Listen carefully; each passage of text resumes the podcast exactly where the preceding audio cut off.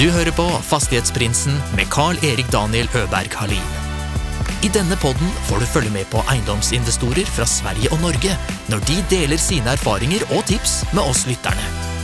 Gjestene er alt fra småbarnsforeldre med sin første enhet, til de mer etablerte haiene. God fornøyelse. Jag går inte för långt att kliva över lik för att jag ska få bara som jag vill. Jag går ju för långt för att klara ett projekt. Jag har ju sån kärlek till mina projekt så att det blir nästan en känslomässig relation. Och så älskar jag arkitektur och eh, byggnation och fastigheter.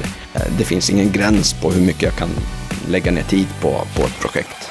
Det ska bara bli bra. Veckans gäst driver Nobella och är Mr Fixit.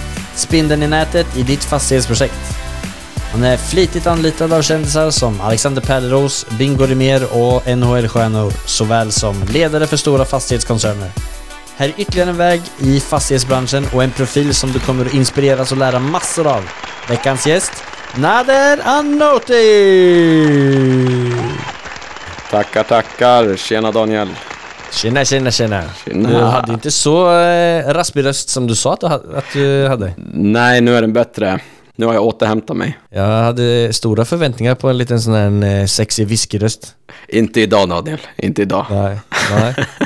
Nej, du isbadar kanske? Det var Ja, kanske det som gjorde det. Det gjorde jag i morse, det vågade jag. Innan gjorde jag inte det. Har du isbadat? Eller bara duschat kallt? Nej, dusch. Jag har duschat. Duschat. Ja. Så länge Ja. kroppen ville. Ja. Eller jag Så ville. där-. Men hur är vädret? Du, du bor i Falun. Hur är det där? Är det mycket snö? Ja. det är mycket snö. Nej, inte mycket. Det är mycket is. Det är halt ute. Men det är soligt och vackert Ja, det är det här med. eh, idag. Jag ser det glänser, eh, solen strålar in i ditt vackra ansikte, du ser ut som en ängel. Ja, du ser ju mig. Ja. Jag försökte få alla andra som lyssnar att visualisera lite hur eh, vacker Nader är. Ja. nu, nu blev jag lite röd om kinderna. Så, Ja, ser du? det är bra.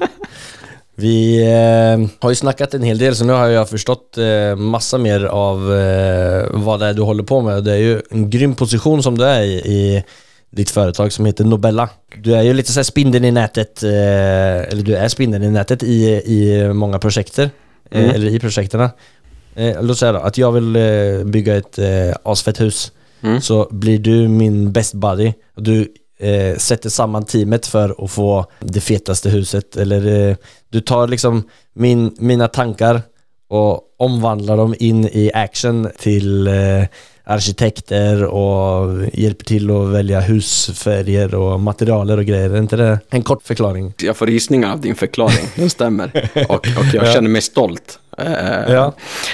ja, men det, det stämmer. Eh, jag, ehm, jag är en sorts projektledare, spindeln i nätet i, eh, i projekt. Förut mycket mindre projekt, trähus, numera lite mer eh, lyxnivå. ehm, mer komplicerade projekt. Så att då finns jag med från, från start till slut.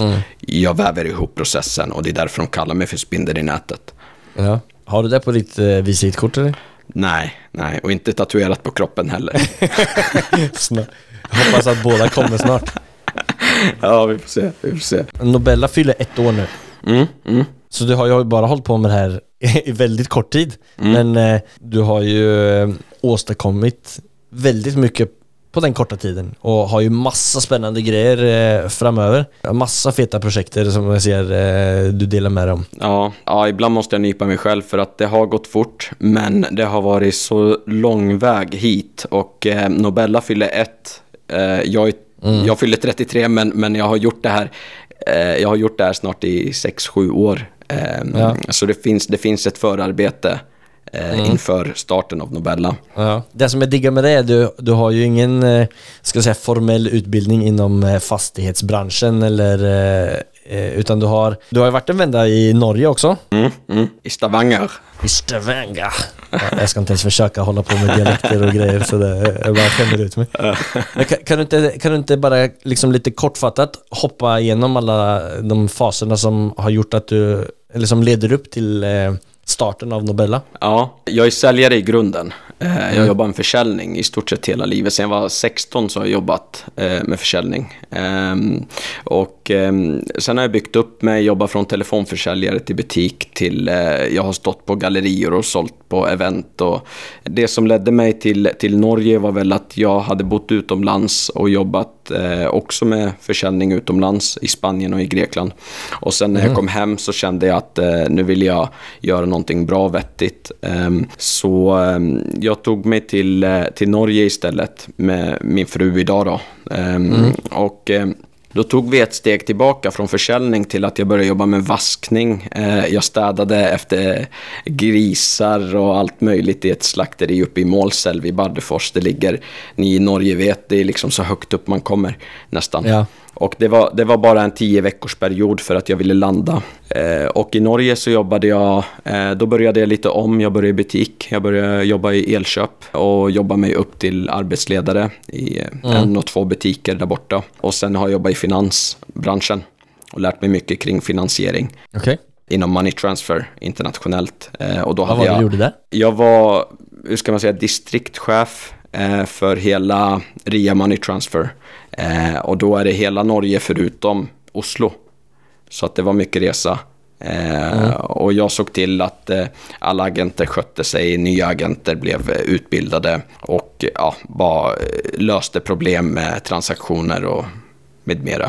Men det var inte riktigt där själen satt, utan det var fastighetsbranschen. Och det var det jag ville hoppa in i. Så då fick jag chansen 2015 eh, att flytta hem till Sverige igen och börja med, med det jag gör idag. Det var då du mötte eh, Olle, Olle, ja. Olle P. Han för evigt kommer finnas eh, inristat i hjärtat. Alltså han är en guldvärd människa. Där Ehm, kanske blir din första tatuering. Det kanske eventuellt han och Bella. Ja, ja. ja, nej men um, Olle erbjöd mig att jobba med honom och eh, få en praktisk utbildning. Kortfattat om Olle, han var projektledare och han jobbade åt en husleverantör i många år. Ehm, så han jobbade, då hade han jobbat kanske i 16 år eh, och sålt hus och gjort massvis med husprojekt. Vi snackar kanske tusentals. Ehm, så jag fick ju hoppa in med en veteran. Jag fick sitta med honom hela dagar och jag fick lära mig att kalkylera hur man kalkylerar ett helt hus, husmaterial, vad man ska tänka på, vad saker och ting kostar. Så fick jag kalkylera vad, eh, vad det kostar att bygga för snickaren, elektrikern, VVS, målare. Så att jag fick ju lära mig eh, bakom datorn, men sen också ut i fält. Så, så när vi gick där så kunde han peka på till exempel nu bygger de grunden, först isolerar man, sen sätter man på golvvärmeslingan. Så jag fick mycket eh, sån utbildning ute på fält. Och det som var också bra där det var att vi satt i en kontorsmiljö. De flesta var ingenjörer, konstruktörer, arkitekter och så vidare. Så att jag satt, och, jag satt i en sån miljö i flera år och fick lära mig den vägen. Så att det har varit tuff tid och jag kunde inte ta så mycket betalt då eftersom jag var Nej. bara lärling. Men det här var någonting som du valde för att du ville komma in i den branschen. Det var liksom din, eh, eller din utbildning eh, kom, eller, och kombinerat med möjlighet för att komma in i fastighetsbranschen. Ja, min utbildning var en stor risk också för att jag har ju små barn, jag har familj. Eh, Jag har fått utsätta dem för att jag gick ner i lön nästan 100% för att satsa på min dröm. Och utan en fru som stöttar den så skulle det aldrig ha fungerat. Eh, så att vi Nej. har ju fått bo från havsutsikt i Norge eh, till en stuga i Falun. Eh, I tre månader i mörker. Och vi Ja. visste ju båda två vad målet var. Hon ville ju också jobba med, med fastigheter. Och det gör hon idag med mig. Så att det har varit en lång resa och jag, vi har lärt oss otroligt mycket. Vi har gjort jättemånga misstag, vi har sett andra göra misstag. Och det var ju liksom corona som började, började leda oss mot att starta Nobella, som är Nando Bella då. Mm. Har det varit något speciellt tillfälle, så- så- som du säger, att, som gjorde att det blev startskottet att, att ni startade Nobella? Ja, det var det. Jag, när jag hade jobbat med Olle ett tag, då började jag själv att eh, vara hussäljare och projektledare. Så jag har gjort en hel del träkåkar, alltså mindre, och eh, gjort dem på rullande band. Och sen när coronan kom, i början så visste vi inte i Sverige, ja men hur, vad är det som händer? Vad är det som händer i landet? Sen började det komma restriktioner. Och jag hade ju flera projekt på gång. Vissa var signerade avtal. Så att eh, 2020 i början eh, så fick de chansen att hoppa av på grund av omständigheterna. Och det gjorde tre stycken på en och samma vecka. vilket är nästan ja, en hel årslön för, för en som mig. Så att eh, det, var, det, var den, det var det som gjorde att, åh nej, vad gör vi nu? Hur, vad, vad händer med världen? Vad händer med oss? Hur ska vi klara oss? Och det var ju så när jag kom hem den dagen, jag kommer ihåg, alltså det var liksom en, en torsdag. Jag kom hem, jag kände bara nu, nu tar jag helg, nu orkar jag inte. Jag var så ledsen, jag var så nere. Men Bella har alltid varit en sån stöttepelare. Hon har ju sagt till mig att, i- alltså ibland kan hon säga till mig, Nadde klockan är bara sex. Eh, folk sover inte, de lägger barnen, du kan fortfarande skriva mail, du kan fortfarande höra av dig, folk svarar. Alltså hon var den som motiverade mig, det är du som är säljaren, du kan det här. Och det var, det var då vi kom fram till att vänta nu, världen ser ut som den gör.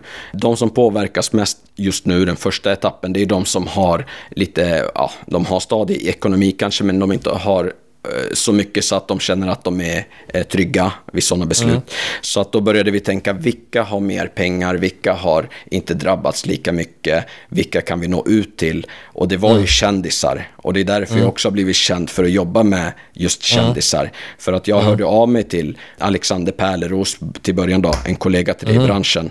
Och då hjälpte jag honom mot att få synas då och eh, starta igång hans projekt. Så att han, han fick ju med mig som en wingman i början. Och så fick jag vara med och förhandla och upphandla och sätta upp eh, ja, processen för honom innan jag gav det vidare då. Och det ledde ju till ett och annat som gjorde att jag till slut eh, 2021 lanserade Nobella. Så att det var en lång, lång för, förarbetsprocess. Så jäkla imponerande och vilket jävla team ni verkar vara. Ja, ni hoppade på den i tanken och ni sträckte ut handen till Pärleros och var med på det här projektet. Men du driver inte det fortfarande, eller? Nej, nej. Eh, det är en annan arkitekt och de sitter fast i bygglov med honom just nu. Kanske skulle sett annorlunda ut om jag var kvar eftersom jag jobbar lite annorlunda och kreativt. Eh, jag, tycker, jag tycker att det kunde ha hanterats bättre. Okej. Men, men det som har hänt, det som har, det har fört med sig mycket bra, det är att jag träffar Paul Ross som är en duktig arkitekt i Sverige. Eh, Ja. Och eh, han tog in mig i teamet 2020. Så att jag jobbade Ja. mycket hos Ross. Då ville han ju fortfarande att jag skulle hålla på med just sådana sorts människor eftersom alla vi påverkades av corona. Eh, Så nådde jag ut till en NHL-spelare i Kanada. Jag löste ett problem som de hade haft i tre år. Eh, fick in en riktig ordentlig lyxkåk. Ni kan se den på ja, både hos dem och hos mig, hos Ross och hos mig på min Instagram. Den lägger vi ut i, eh, med släppet av den här episoden tänker jag, så det blir på Mm. Ja. Instagram på Fastighetsprinsen också. Ja, gör det. det, är en, eh, det är, man tror inte att det är i Sverige. Eh, så, Nej, så vackert okej. var det. Så att det var en upplärningsprocess. Så fick jag komma in i mer arkitektur. Paul var som en lärare efter Olle. Då hade jag lärt mig allt det där i början, så fick jag lära mig Mm. Ja. kring arkitektur. Bygglov och allt kunde jag, men jag fick det som en sista pricken över it för att kunna starta Nobella. Och Mm. Nobella skulle ju vara en oberoende. Jag skulle ju vara med från början och så skulle jag utgå ifrån vem kunden är och vad de vill ha. Sen skulle vi tillsammans eh, gå igenom processen och upphandla arkitekten som passar, eh, upphandla snickare och så vidare, totalentreprenör. Eh, sen, sen finns jag med och lägger upp en plan för hela processen. Så det, det, det, var ju, det var ju Olle och Paul, eh, två jag är väldigt tacksam för, som finns i mitt liv än idag, men också har lärt mig så mycket för att kunna ta mig hit. Ja men det förstår jag. Det är, eh, du måste, måste skatta det väldigt lyckligt lottande att ha två, man skulle nästan kunna kalla det för mentorer eller coacher som har hjälpt dig på det sättet. Eh, Väldigt inspirerande och hatten av till dig med som, eh, som går den vägen. Jag känner ju att det är mitt sätt att lära mig också. Det är lite därför vi sitter här också. Jag suger ut all, allt jag kan av din hjärna nu så nu får jag både Olle och Rossa i mig. Du får, du får, det, är bara, det är bara fråga. Jag, Ja. jag ställer upp och svarar på allt just nu, känner jag. Ja men jag tänker så här, för vi gottar in oss i, liksom, är skitintresserad i, eh, eller får man svära? Eller säga så, min son säger alltid man får inte säga skit. Man ser drit. Eh, Innan vi gottar in oss på eh, liksom, detaljerna om hur, hur en process och vilken roll du har, så kör vi sju snabba. Mm. Det är så här helt random, meningslöst. Ja, och jag är helt oförberedd. Lite, mer. Ja, lite, mer, lite för att bara bryta av, lära känna Nader ännu mer. Så, du har ju bott i Norge. Det här är ett ganska stort, den första frågan är ganska viktig där. Coca-Cola eller Pepsi? Coca-Cola, Måndag eller fredag? måndag, En bil eller båt? bil, Modern funkishus eller sekelskiftshus? sekelskifteshus, Lösgodis eller Amarone? lösgodis, Gym eller löpning? gym, The million dollar question. Måns Zelmerlöw eller Amr Diab? Amr Diab, Yay! Hej! Han är kung. Ja, det var bra. Men jag lyssnar inte så mycket på arabisk musik numera så att jag hänger inte med vad som händer där borta. Men, Nej. men det, är väl, det är väl Amr Diab som jag känner till. Ja, jag har allt för lite. Paula är inte så jäkla... Det är mer jag som driver in eh, den arabiska musiken. Paula är ju libanes som du också. Så Ja. nog om det.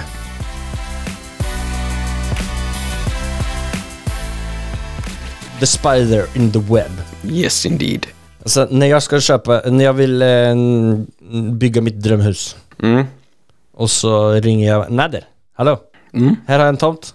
Mm. Vad ska jag göra nu? Det jag gör först, det gjorde jag nu i morse faktiskt innan vi började jag och du. Det var att göra en research, ehm, en analys av just tomtförutsättningar innan jag ens träffar dig. Jag, jag, går in, jag går in och letar upp allt möjligt kring tomten, grannskapet, detaljplan om, det, om en sån finns. Jag ser vad man kan göra så att jag läser på, läser mig in. Jag kollar upp vem du är, jag kollar upp vem din fru är. Eh, för att det finns där ute. Ni finns på Instagram, på Facebook. Eh, och det är ganska enkelt. Det, egentligen är det bara för att jag vill att det ska bli så bra som möjligt. Det är inte på något sätt för att ja, eh, göra något Ja, Du vill illa, skapa en är bara- bild för att liksom känna av... vad- Ja, Ja. Det, är på, det är på gott bara. Sen träffas vi, gärna så här, eh, face to face och så kan vi gå igenom eh, vad ni tänker. Mest lyssnar jag bara och tar in. Och oftast är det ju att ni har tankar och idéer, ni visar mig massa inspiration, vad ni vill göra. Och jag bara tar in allt och antecknar. Och sen, eh, sen så brukar jag därefter, brukar jag, eh, när jag tar med mig det så ser jag vad som är möjligt att göra och anpassa det till just en budget. Eh, får jag bara avbryta, förlåt. Eh, alltså är du, då krävs det att du kan sätta dig in i detaljplaner som kommunen har satt och reglerna som, som är för den tomten. Ja, och sen finns det också massa kryphål i detaljplan och regler och kommun och eh, hur man går tillväga, vem man ska höra av sig till först för att inte väcka för mycket uppmärksamhet. Därför Okej. jag har ju mest gjort det här med, med kända människor eller med högt uppsatta VDR. Eh, Och i- tyvärr i Sverige är det mycket så här svenska avundsjuka, man vill, man, vill, man vill överklaga, man vill sätta käppar i hjul, man vill veta vad, vad gör grannen eller vad gör den, eh, vad gör den personen just nu. Eh, så att jag jobbar mycket i det tysta i början. Och jag tar reda på det. Vi sätter upp en plan, vi skriver avtal och vi går vidare eh, till nästa del av processen. Och då, då, då tar jag ett möte med handläggare på kommunen för att bara bolla. Vad vill du säga är din styrka i, in i en sån här process? Kreativitet och tänka utanför boxen. Mm. Jag gör, jag gör det som, jag vill inte säga ingen annan gör, men inte många gör. Är det vanligt att man har en sån här typ av, alltså skulle man kalla det typ av rådgivare eller eh, spindel i nätet person i ett vanligt projekt? Eller är det vissa, är det vissa projekt som bara som kräver en Ja, sån? eller- ja, det är vissa projekt. Jag har ju, jag har ju hus som, alltså det är, mina husprojekt kan ju gå för 30, 40, 50 miljoner. Det är ett Ja, hus. det är en viss prisklass som... ja, eh, ja. Och då är, det, då är det ganska enkelt att räkna hem en investering om man har en sån. Sen, sen brukar ju kända personer eller högt uppsatta vd, de brukar ju ha en hektisk vardag. Eh, de Mm. kan inte sätta sig in och svara för allt. Jag har ju till och med, eh, min senaste kund, han är ju, han är till och med fast, han är ju, han är ju vd på ett av Sveriges största fastighetsbolag. Så han har ju stenkoll på processen. Men då har han också stenkoll på varför jag finns med i processen.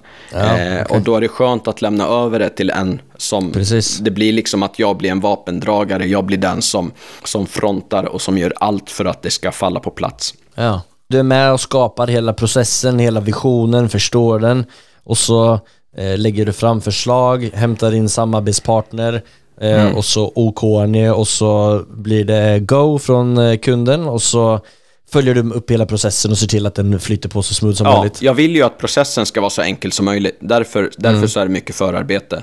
När jag pratar med handläggaren, då är jag väldigt eh, uppriktig, transparent. Jag vill vara vän med handläggaren. De tycker att det känns bra att man, man pratar med dem också.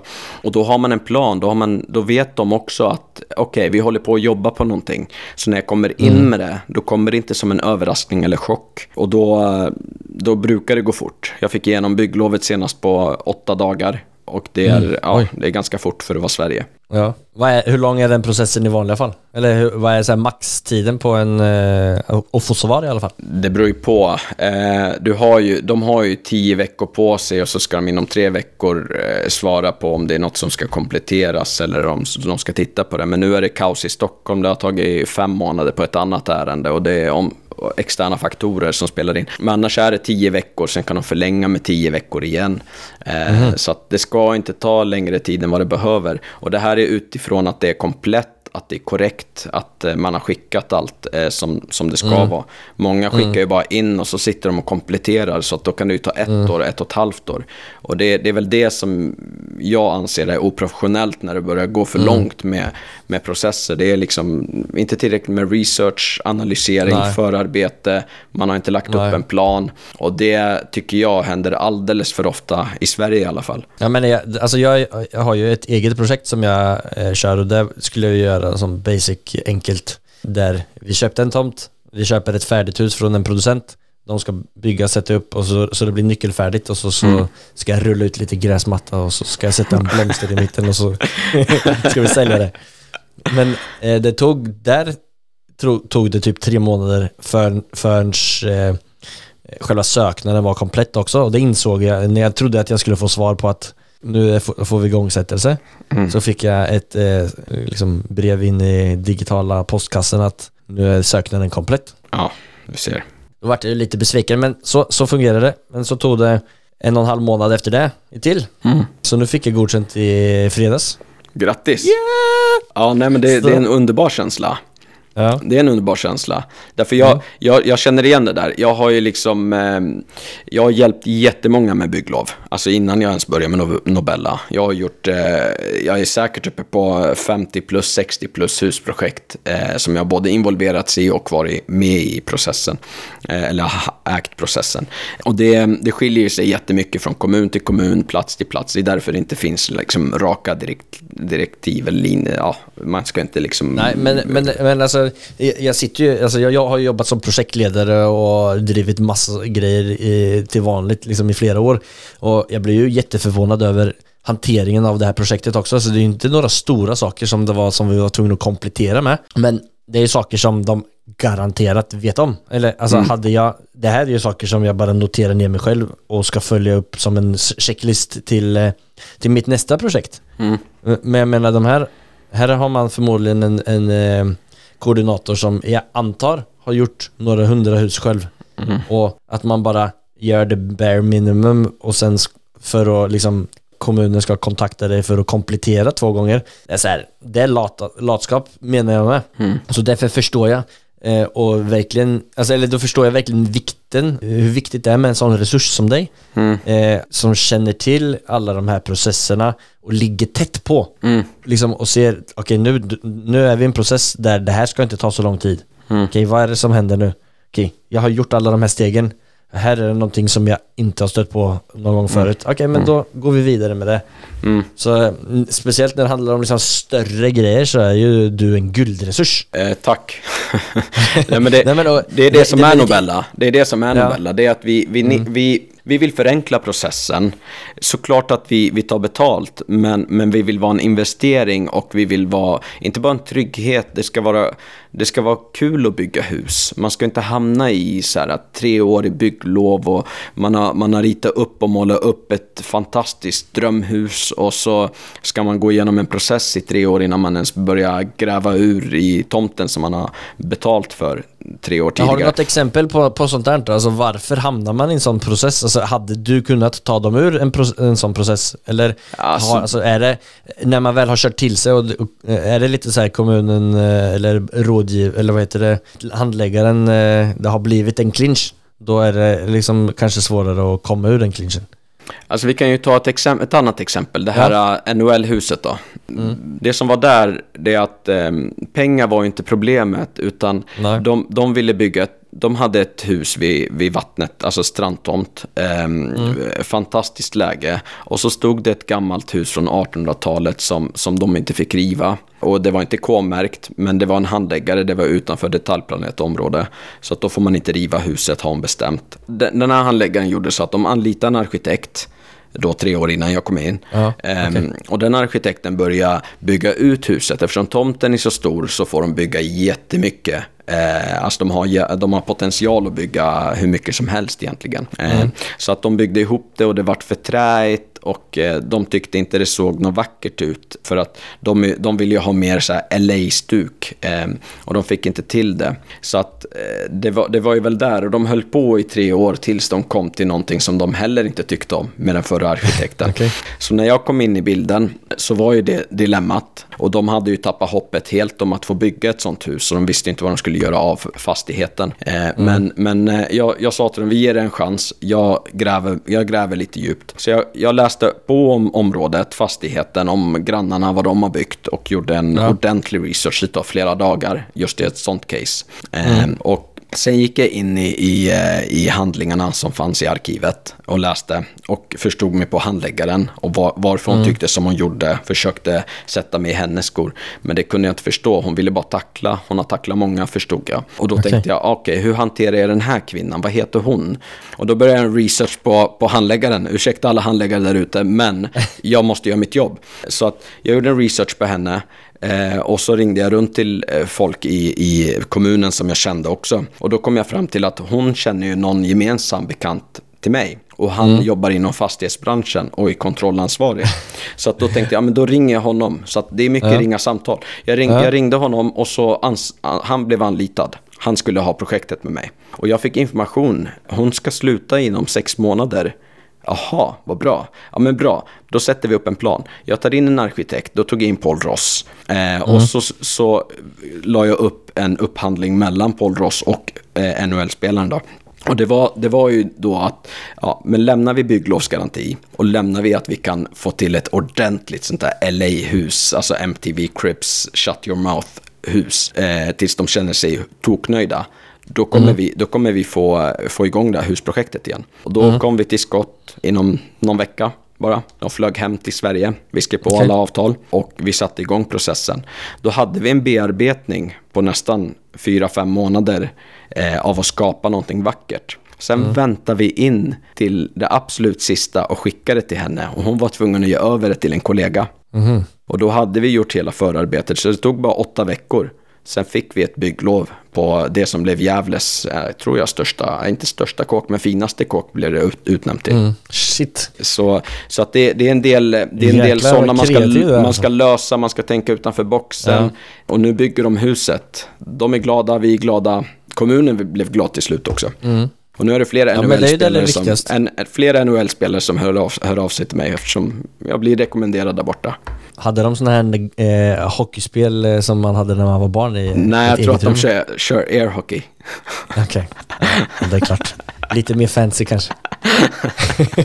ja men då förstår jag. Alltså, har du någon, alltså, nu kommer jag inte ihåg allting som du har snackat om tidigare, men du har ju massa sådana där kreativa grejer. Jag menar att det var någon historia från starten också. Mm. Som... Eh, Tänker du på Laila Bagge kanske? ja, ja, det tror jag. Kan du Ja. bara ta den lite fort? Jag bara blir imponerad av ditt sätt att tänka, alltså för det Ja. där... Eh, Laila Bagge, liksom- för er som inte Ja. vet, Laila Bagge är en producent, varit med på Idol, jag tror hon har jobbat med Céline Dion och andra stora producent, Mm. eh, tagit fram Sara Larsson och så vidare. Och hon, hon syntes mycket på tv, hon hade en egen tv-program och på tidningar och där har hon letat tomt i 15 år eh, på just Lidingö. Eh, Okej. Och jag försöker höra av mig till henne men det är otroligt svårt att få tag i de människorna, de har inga kontaktuppgifter ute. Och det är agentbyråer och sånt där och svårt att komma igenom. Men till slut så bestämde jag mig, jag skrev bara till henne direkt och hon svarade direkt och jag ringde henne samma eftermiddag. Och vad jag skrev till henne, det var lite att jag lovade lite mycket. Jag sa till henne att jag har en tomt på G till dig och jag behöver prata med dig. Och kort beskrivning om mig själv och att jag hade jobbat med alla de andra kända profilerna så att jag bygger upp min kredibilitet. Så vi pratade, vi tog en timmes samtal där på dagen. Några dagar senare var jag i Stockholm och så hörde jag av mig till en mäklare. Och det vart jackpot direkt. Det var tomter som höll på att styckas av vid vattnet. Han ville, inte, han ville inte ge dem till mig. Mäklaren var lite top notch, lite för fin för att, för att jobba med en nader från orten tyckte han kanske. Jag vet inte. Jag, ja, vi bondade inte men så började jag namedroppa. Och då visste jag vem han var. Jag började, han var starstruck till Laila Bagge som tur var. Så jag började namedroppa att det är, jag är hennes agent till exempel. Eller, ja. Ja. Och då, då, då ville han ha möte direkt. Vi fick titta på tomterna och vi fick stycka av dem. Så att då var det så att istället för att bygga ett hus, då kom vi in i en fastighetsaffär där vi skulle bygga tre. Göra en stor marknadsföring, marknadsföringsinsats med tv, radio, eftersom hon sitter där, eh, och få in så mycket spons som möjligt. Eh, för att då kan vi få ner kostnaderna och då kan Laila bygga sitt drömhus och välja sina två grannar som hon säljer dem till. Och då skulle jag vara med och sy ihop caset. Men, men tyvärr så, så blev det ingen affär där och då för att det krockade lite mellan säljare och köpare. Eh, Så att det var lite externa faktorer. Men vi har jobbat mycket ihop på annat håll och jag har fått skörda mycket annat tack vare det.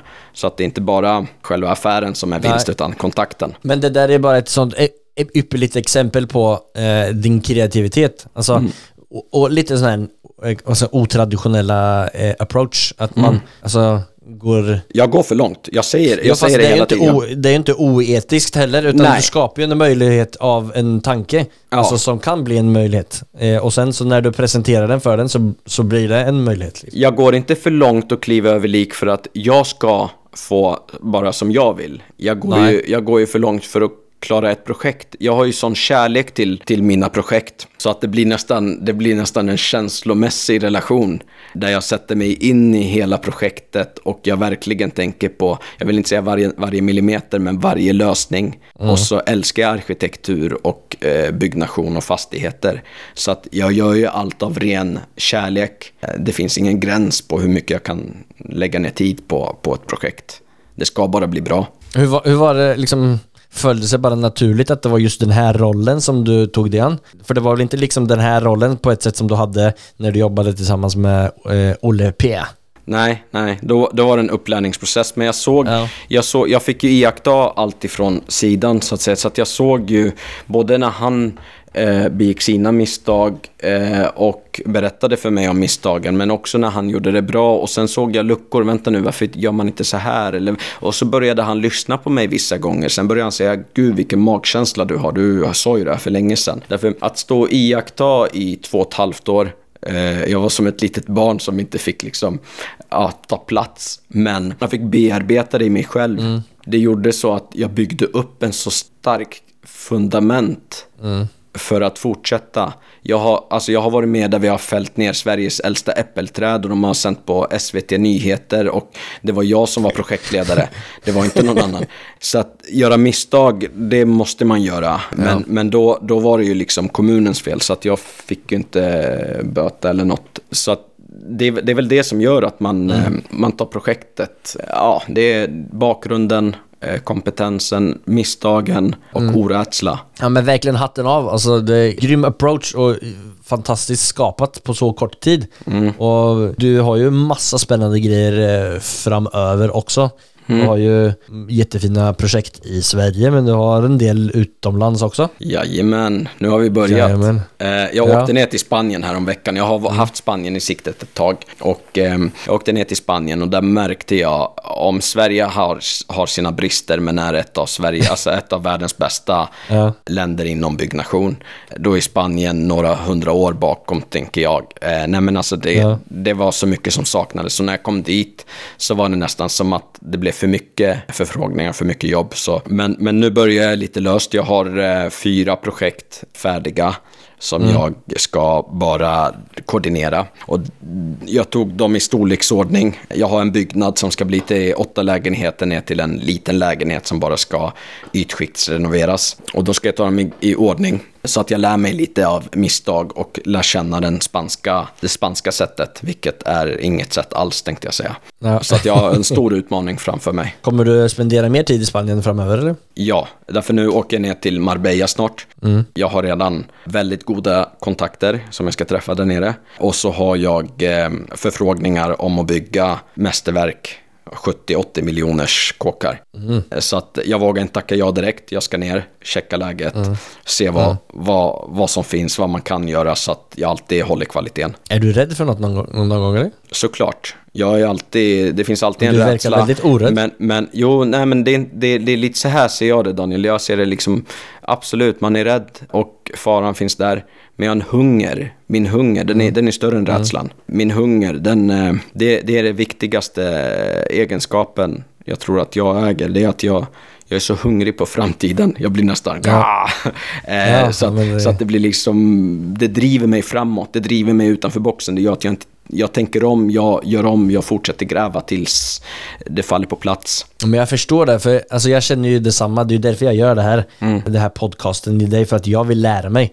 Alltså, min vision är ju att jag är en gigantisk eh, fastighetsmogul och gör massa coola grejer. Jag bygger projekter, jag, eh, jag har massa uthyrningsportföljer och gör massa gott med, med fastigheter. För det är till exempel den här, eh, om du har hört talas om McDonalds-metoden. Alltså, det är en, man säger ju att McDonalds inte är en eh, hamburgerkedja utan det är ett fastighetsbolag. Och liksom dröm längre fram är att få göra något väldigt gott med den möjligheten som fastigheter gör. Alltså kanske ha ett stort, eller inte kanske, men ha ett typ världens bästa ålderdomshem till exempel. Och största, alltså för jag tänker liksom att det som kapitalet i fastigheter kan göra kan ge, ge tillbaka till och ge, ge världens bästa vård. Ja, det var som vanligt eh, snurrar jag in med världens längsta... eh, nej, nej, jag, jag, jag älskar att höra, jag älskar att höra sånt där. Fortsätt. Men, men liksom tillbaka till det här, du, det här är din väg och det, hela grejen med podden är ju för att visa fram alla olika sätt som man kan hålla på med fastigheter på. Du har liksom heller inte gått den här klassiska skolan Nej. som eh, många har gjort. Ja. Och, och du hamnar upp där och som mina andra gäster har hundra olika sätt att komma dit Ja. där man vill och, och det handlar ju om det här drivet som du säger, den här hungern. Mm. Jag har en aning vart jag skulle men inte, jag visste inte hur jag skulle komma dit. Ja, jag tycker att balansgången det är att alltid bli bästa kompis med sig själv. Alltså lär känna dig själv. Vad är dina egenskaper? Vad är dina brister? Vem är du? Kan du? Du kan inte allt. Du vet inte allt. Du är inte alltid bäst. Du har folk som är bättre än dig på vissa saker. Lär dig av dem. Var ödmjuk mot dem. Ta till dig. Alltså det, det är den det är det som har gjort den största, hur ska jag säga, utvecklingen hos mig själv. Det var liksom att, vänta nu, jag behöver inte låtsas att jag är bäst och kan allt. Eh, det finns alltid människor runt om dig. Det finns goda människor, väldigt många goda människor. Lär dig av dem, jobba ihop. Har du ett bra nätverk, släng iväg ett samtal, de svarar och jag lovar dig, jag hjälper, jag hjälper många ingenjörer och högutbildade människor hela tiden med frågor inom, inom fastighetsbranschen och de är utbildade liksom akademiskt. Eh, Det, det, är inte, det är inte något man behöver skämmas eller stoltsera över. Det är bara ett sätt att liksom bli bättre och bättre och utvecklas. Ja, men jag är helt säker på att du kommer, eller du har ju redan fått till massa grejer och det blir grymt spännande att följa med dig eh, vad det är du kommer att eh, skapa framöver. Tack vänner, jag väntar på det Marbella sen så får ni Ja. komma ner och chilla lite. Ja. Drinking some eh, spicy margaritas. ja men bra, vi hoppar vidare till vårt nästa segment som heter eh, Affärsanalysen. Det är det segmentet där vi går igenom en genomförd affär med våran gäst. It has not been easy for me. And, you know, I, I started off in Brooklyn. My father gave me a small loan of a million dollars. Affärsanalysen. Och du är ju en lite mer som specialnischad eh, gäst än vad jag har haft med tidigare. Men har du någon kul deal som du kan dela med dig om? Eh, du delar med dig om den Laila Bagge-dealen och du har delat med dig om några andra. Men eh, har du någon annan på lager som, som kan vara spännande och lärorik att dela med dig om? Lärorik, ja. Jag skulle nästan säga att ett, ett största erkännande, jag, jag jobbar som, vid det här laget vet du också det, att jag jobbar mycket med kända personer. Men för mig, jag varit nästan helt starstruck när vd på ett av Sveriges största och Nordens eh, fastighetsbolag ringer mig och vill ha hjälp med sitt eh, privata eh, hus. Ehm, Och jag åker ut dit. Och jag, han skulle egentligen ha en arkitekt, men han hör av sig till mig. Och då känner jag, vänta, någonstans här har jag gjort rätt under året. Därför han vet om att jag inte är en arkitekt. Han vet om att jag inte är akad- akademiskt utbildad. Han har en hel korridor med allt ifrån ja, kollegor i branschen Ja, som kan hjälpa honom. Så kom förfrågan till mig. Och jag, jag stod där och pratade med honom och jag berättade för honom helt ärligt att jag träffar många kändisar, men jag blir starstruck när jag träffar dig. För att Ja. det, det är goals. Jag vill vara en fastighetsprins, eh, prins, kung. Jag vill liksom bygga upp det stora hela och det här är bara början. Eh, Så att vara transparent och vara människa hjälp, hjälpte mig att lära känna honom och han mig så att vi, vi, vi bondade och det är relationen först och främst. Det han skulle ha hjälp med, det var, det var ett komplicerat ärende där vi skulle bygga nästan ett hus på vattnet. Så att eh, jag skulle lösa, lösa gåtan och då tog jag in min arkitekt ifrån Libanon som skulle hjälpa mig. Så att då fick jag vara... Kan det gå fel då eller? Nej, nej, nej, men jag fick vara arkitekt. Han kan inte detaljplan. Eh, han kan inte Nej. byggregler på samma sätt. Så att Nej, jag precis. fick ju vara med och designa. Och det var ännu roligare för att nu fick jag ta ut min kreativa själ i liksom byggnation. Och vi designade roligt. huset eh, och gjorde det här som jag har berättat om. Att man liksom gör en analys och pratar med kommunen och sätter upp en plan. Men inför dealen och inför affären, då, då sa han till mig att du är dubbelt så dyr än en annan. Och då svarade jag, vi ska ha råd med varandra. Jag ska ha råd att leverera. Och det här kommer vara mitt bästa projekt. Någonsin. Jag, jag siktar alltid på att mitt senaste projekt är mitt bästa projekt. Och då sa han, jag litar på dig. Eh, så att det var inte... Är det färdigt projektet? Ja, ja, det är, kolla på min Instagram så ser ni. Ett hus vid vattnet som vi börjar bygga snart. Vi har startbesked eh, runt hörnet, vi har ett eh, möte, vi har ett bygglov. Ehm, Och eh, det, har, det har gjort så att eh, hans vän som också är vd på ett desto större företag, han hade, han hade ifrågasatt om jag skulle lyckas eller inte tror jag. Okej. Eh, men, men sen när de satt i Nice och åt middag och jag skickade att bygglovet är klart, då visade han väl sin kompis där nere. Eh, och då sa hans kompis Benader höra av sig till mig. Så nu håller jag på med hans fan fastighetsprojekt också. Jag får gåshud alltså. Ja, nej, men det, det är lite så här att det, det, det är ringar på vattnet, alltid prestation. Eh, Och prestationskrav är bra. Man ska inte leta de enkla projekten.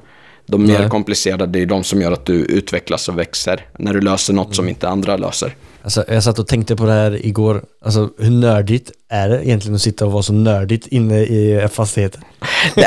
Men är det verkligen nördigt? Alltså kolla. kolla. Nej, jag vet inte. Vi har För ju, mig vi har ju fastigheter men- som är över tusen år gamla. Eh, fastigheter det- betyder så mycket för oss. Alltså det, det Ja. finns ett sånt högt värde i det här eh, material. Vi gör sån skillnad för världen. Eh, fastigheter har ett värde som är så unikt. Är det som byggs idag. Alltså tänk, tänk så här, jag har byggt, eller jag har varit med och byggt hus som kanske står i 300 år. Ja. Alltså jag kommer inte finnas kvar, inte mina barn eller barnbarn. ja. Och inte dina äppelträd heller. Kanske, nej. Absolut inte mina äppelträd. nej men det är coolt, det är coolt, okej men jag, då, då är jag nörd. Ja men det är bra, jag är med nörd. Det var därför jag bara satt så här och tänkte, ifrågasatte min eh, nördighet lite grann. Ah, ja, vi hoppar vidare till eh, vårt nästa och sista segment som heter Fyra frågor. Det är de samma fyra frågorna som vi ställer till våran gäst.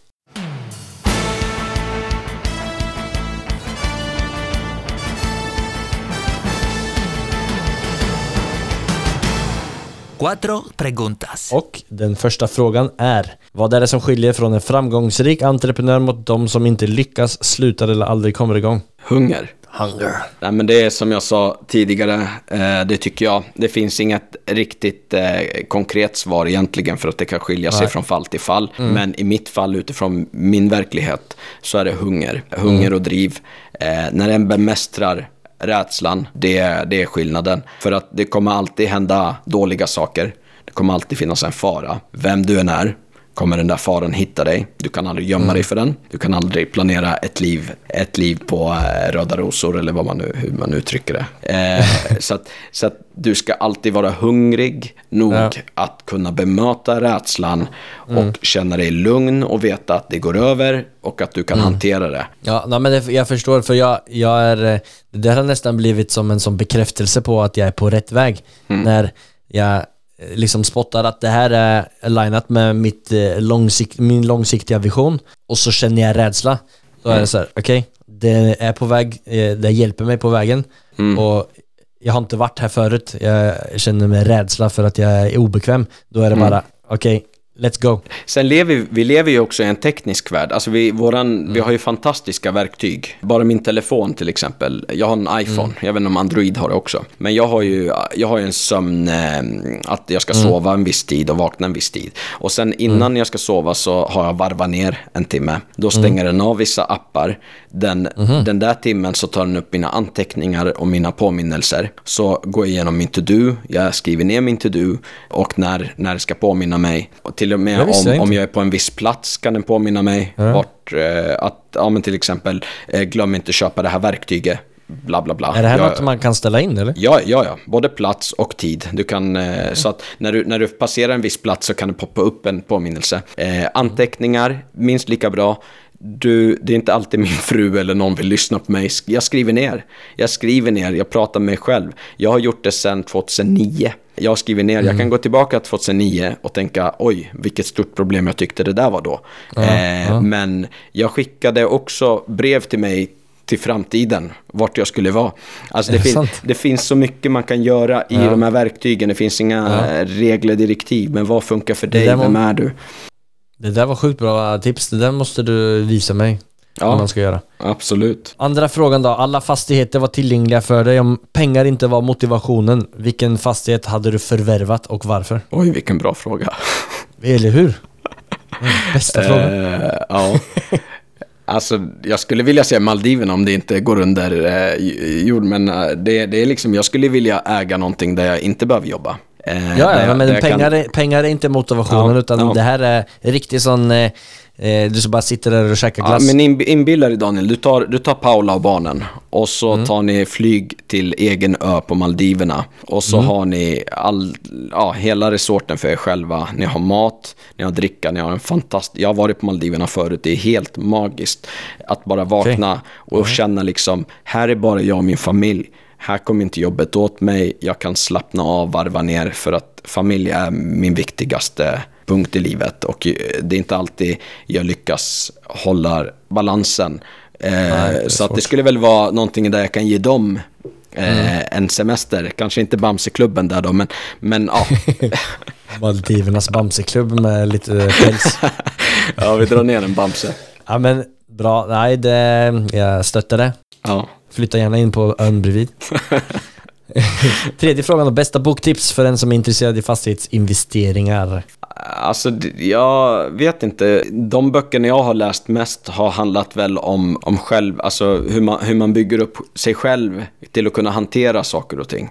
Eh, sen finns det såklart många böcker som påvisar till exempel Rich Dad, Poor Dad eh, och andra böcker som är bra. Men jag skulle nog tipsa om, om sånt där som, som får en själv att jobba, arbeta på sig själv. Jag skulle säga Björ, Björn Natthiko har skrivit en bok som heter Jag kan ha fel. Eh, en lättläst bok. Eh, han gick bort nyligen eh, och jag läste den för något år sedan sist. Det, den är helt fantastisk vilken resa han har gjort. Att, eh, ja, hur, man, hur man på något sätt hanterar sig själv innan man hanterar andra. Och det gäller i affärer också egentligen. Ja, jag har blivit rekommenderad att läsa den så jag har köpt den men jag har inte kommit helt dit än. Ni som lyssnar och vill ha fastighetsbok, ursäkta jag har inte någon riktigt, men, men här jag, är- jag lyssnar mycket på poddar, jag lyssnar mycket på motivation, eh, Mm. jag lyssnar mycket om andras investeringar och tar tips och råd. Eh, Mm. Det gör jag och följer eh, mycket folk. Det är det. Vilket sätt är det man liksom får in, eh, Ja. får sin eh, inspiration? Kanske jag ska utveckla den frågan eh, lite framöver. Ha. Sista frågan, kanske är den viktigaste i det här momentet också. Nämn Mm. det mest storartade, roliga eller minnesvärda sättet som du har firat en genomförd affär eller seger på. Ja, fyra, fyra affärer. Där ska vi se. Det här var, det, här var, det, det kom oväntat Daniel. Jag brukar laga mat när jag firar. Alltså jag brukar laga god mat, men, men det, jag skulle nog säga att det jag firade mest egentligen, det var när jag vågade stänga dörren på eh, husleverantören som jag eh, hade jobbat med eh, för att vi inte kom överens. Och de, de hade inte litat på mig. Eller de hade, inte, hur ska jag säga, de hade inte förtroende i mig och ville satsa på den unga, de satsade på de äldre. Och då när jag väl fick Paul Ross skicka ett visitkort till mig eh, och ring, ringde mig och sa att han ville, han ville ha med mig på tåget med honom. Samtidigt som Alexander Pärleros, Sara Sjöström, Laila Bagge. Allt sånt där kom på samma korta tid. Eh, Det var minnesvärt för att jag visste där och då, jag har ingenting idag, men nu har jag allt framför mig. Eh, Och jag bara kände det i hela kroppen att nu är det dags att åka Nader. Så att det var värt att fira utan att ha varit en riktig affär. Hur firade du då? Blev det Kebbe Labanie eller? Nej, det blev, det blev väl att ehm, jag blev känslosam. Ja. ja men det är fint. Jag blev känslosam för att eh, Ja. jag hade lagt ner otroligt mycket tid fram tills då. Och vi var igenom corona, jag höll på att ge upp. Och det här betydde inte att jag hade lyckats någonstans. Men jag visste att jag var på ett spår eh, som kunde ta mig eh, fram till min destination då. Mm. Ja, men eh, det förstår jag. Det låter som att det var... Jag förstår att det är en sån stor eh, brytpunkt hos dig. Mm. Ja men grymt det. Nu börjar tiden springa iväg oss och du ska hoppa vidare in i en massa andra möten vet jag här framöver. Innan vi ger oss här, är det liksom några speciella deals eller personer som du hade liksom varit eh, sugen att komma i kontakt med? Eh, Är alla väl välkomna till att ta kontakt med dig eller hur ser det ut? Absolut, både, både den som vill ha hjälp och den jag kan hjälpa. Eh, Är du en som bara vill bolla tankar, idéer, hör av dig till mig. Eh, min Instagram är öppen, jag försöker svara på allt och jag svarar på allt så småningom. Eh, är det någon som har en speciell deal eller behöver hjälp att lösa någonting komplext, hör av dig till mig så kan vi se på fallet. Jag lämnar det öppet till allihopa eh, och jag vill, jag vill hellre ge än att få. Behöver du hjälp, hör av dig till mig. Hur kommer man i kontakt med dig på bästa sätt? Du hade Instagram. Ja, Nader Anoti. Mm. Och eh, ja, så har jag bolaget Nobella Design på eh, Instagram. Ja men då lägger vi upp mail och Instagramkonto på, i beskrivningen eh, till podcastavsnittet. Mm. Så är det bara att ta kontakt med Spiderman. Yes, indeed. Kung är du, Daniel. En simpel prins. ja, just ja, prins. Tack så jättemycket. Nej. Det, det här var superspännande och inspirerande och det är så roligt att höra alla olika sätt som man kan hålla på med fastigheter. Och det här, jag hade jättegärna velat sitta på din rygg och följa med i alla olika grejer du håller på med. Ja, nej, men det får, du, det får du gärna. Som sagt, det här var supergrymt. Du är, du är helt rånad. Det- Tack så jättemycket för att du ställde upp och jag hopp, jag är helt säker på att du har tänt massa nya tankar i alla som lyssnars eh, huvuden och ja, det har du i alla fall gjort hos mig. Jag är otroligt glad och tacksam för att eh, få vara med här och dela med mig. Tack Daniel för att du, du har den här podden. Gör nytta. Tack så jättemycket, det var snällt. Nu vet jag att du har fem minuter kvar innan du ska hoppa in i ett möte, så tack så jättemycket. Vi hörs. Tack, tack. Hej. Hej. Ja, både personen Nader och rollen som han har skapat är så imponerande. Naders driv och trygghet han skapar med hans roll i projekten gör att man verkligen förstår värdet av att anlita honom som sin förlängda arm i projektet. Jag har fått möjligheten till att sitta bakom ryggen på Nader i en del projektet och det är helt fantastiskt vad jag lär när han trollar sig fram i projekten. Det som Nader bekräftar med detta och alla samtal som jag har haft hittills är att den som är snäll och mest kreativ i fastighetsbranschen är den som lyckas. Tack så jättemycket för att du lyssnar och följer oss på Instagramkontot Fastighetsprinsen. Nu är det äntligen Nudelfredag! Ha det!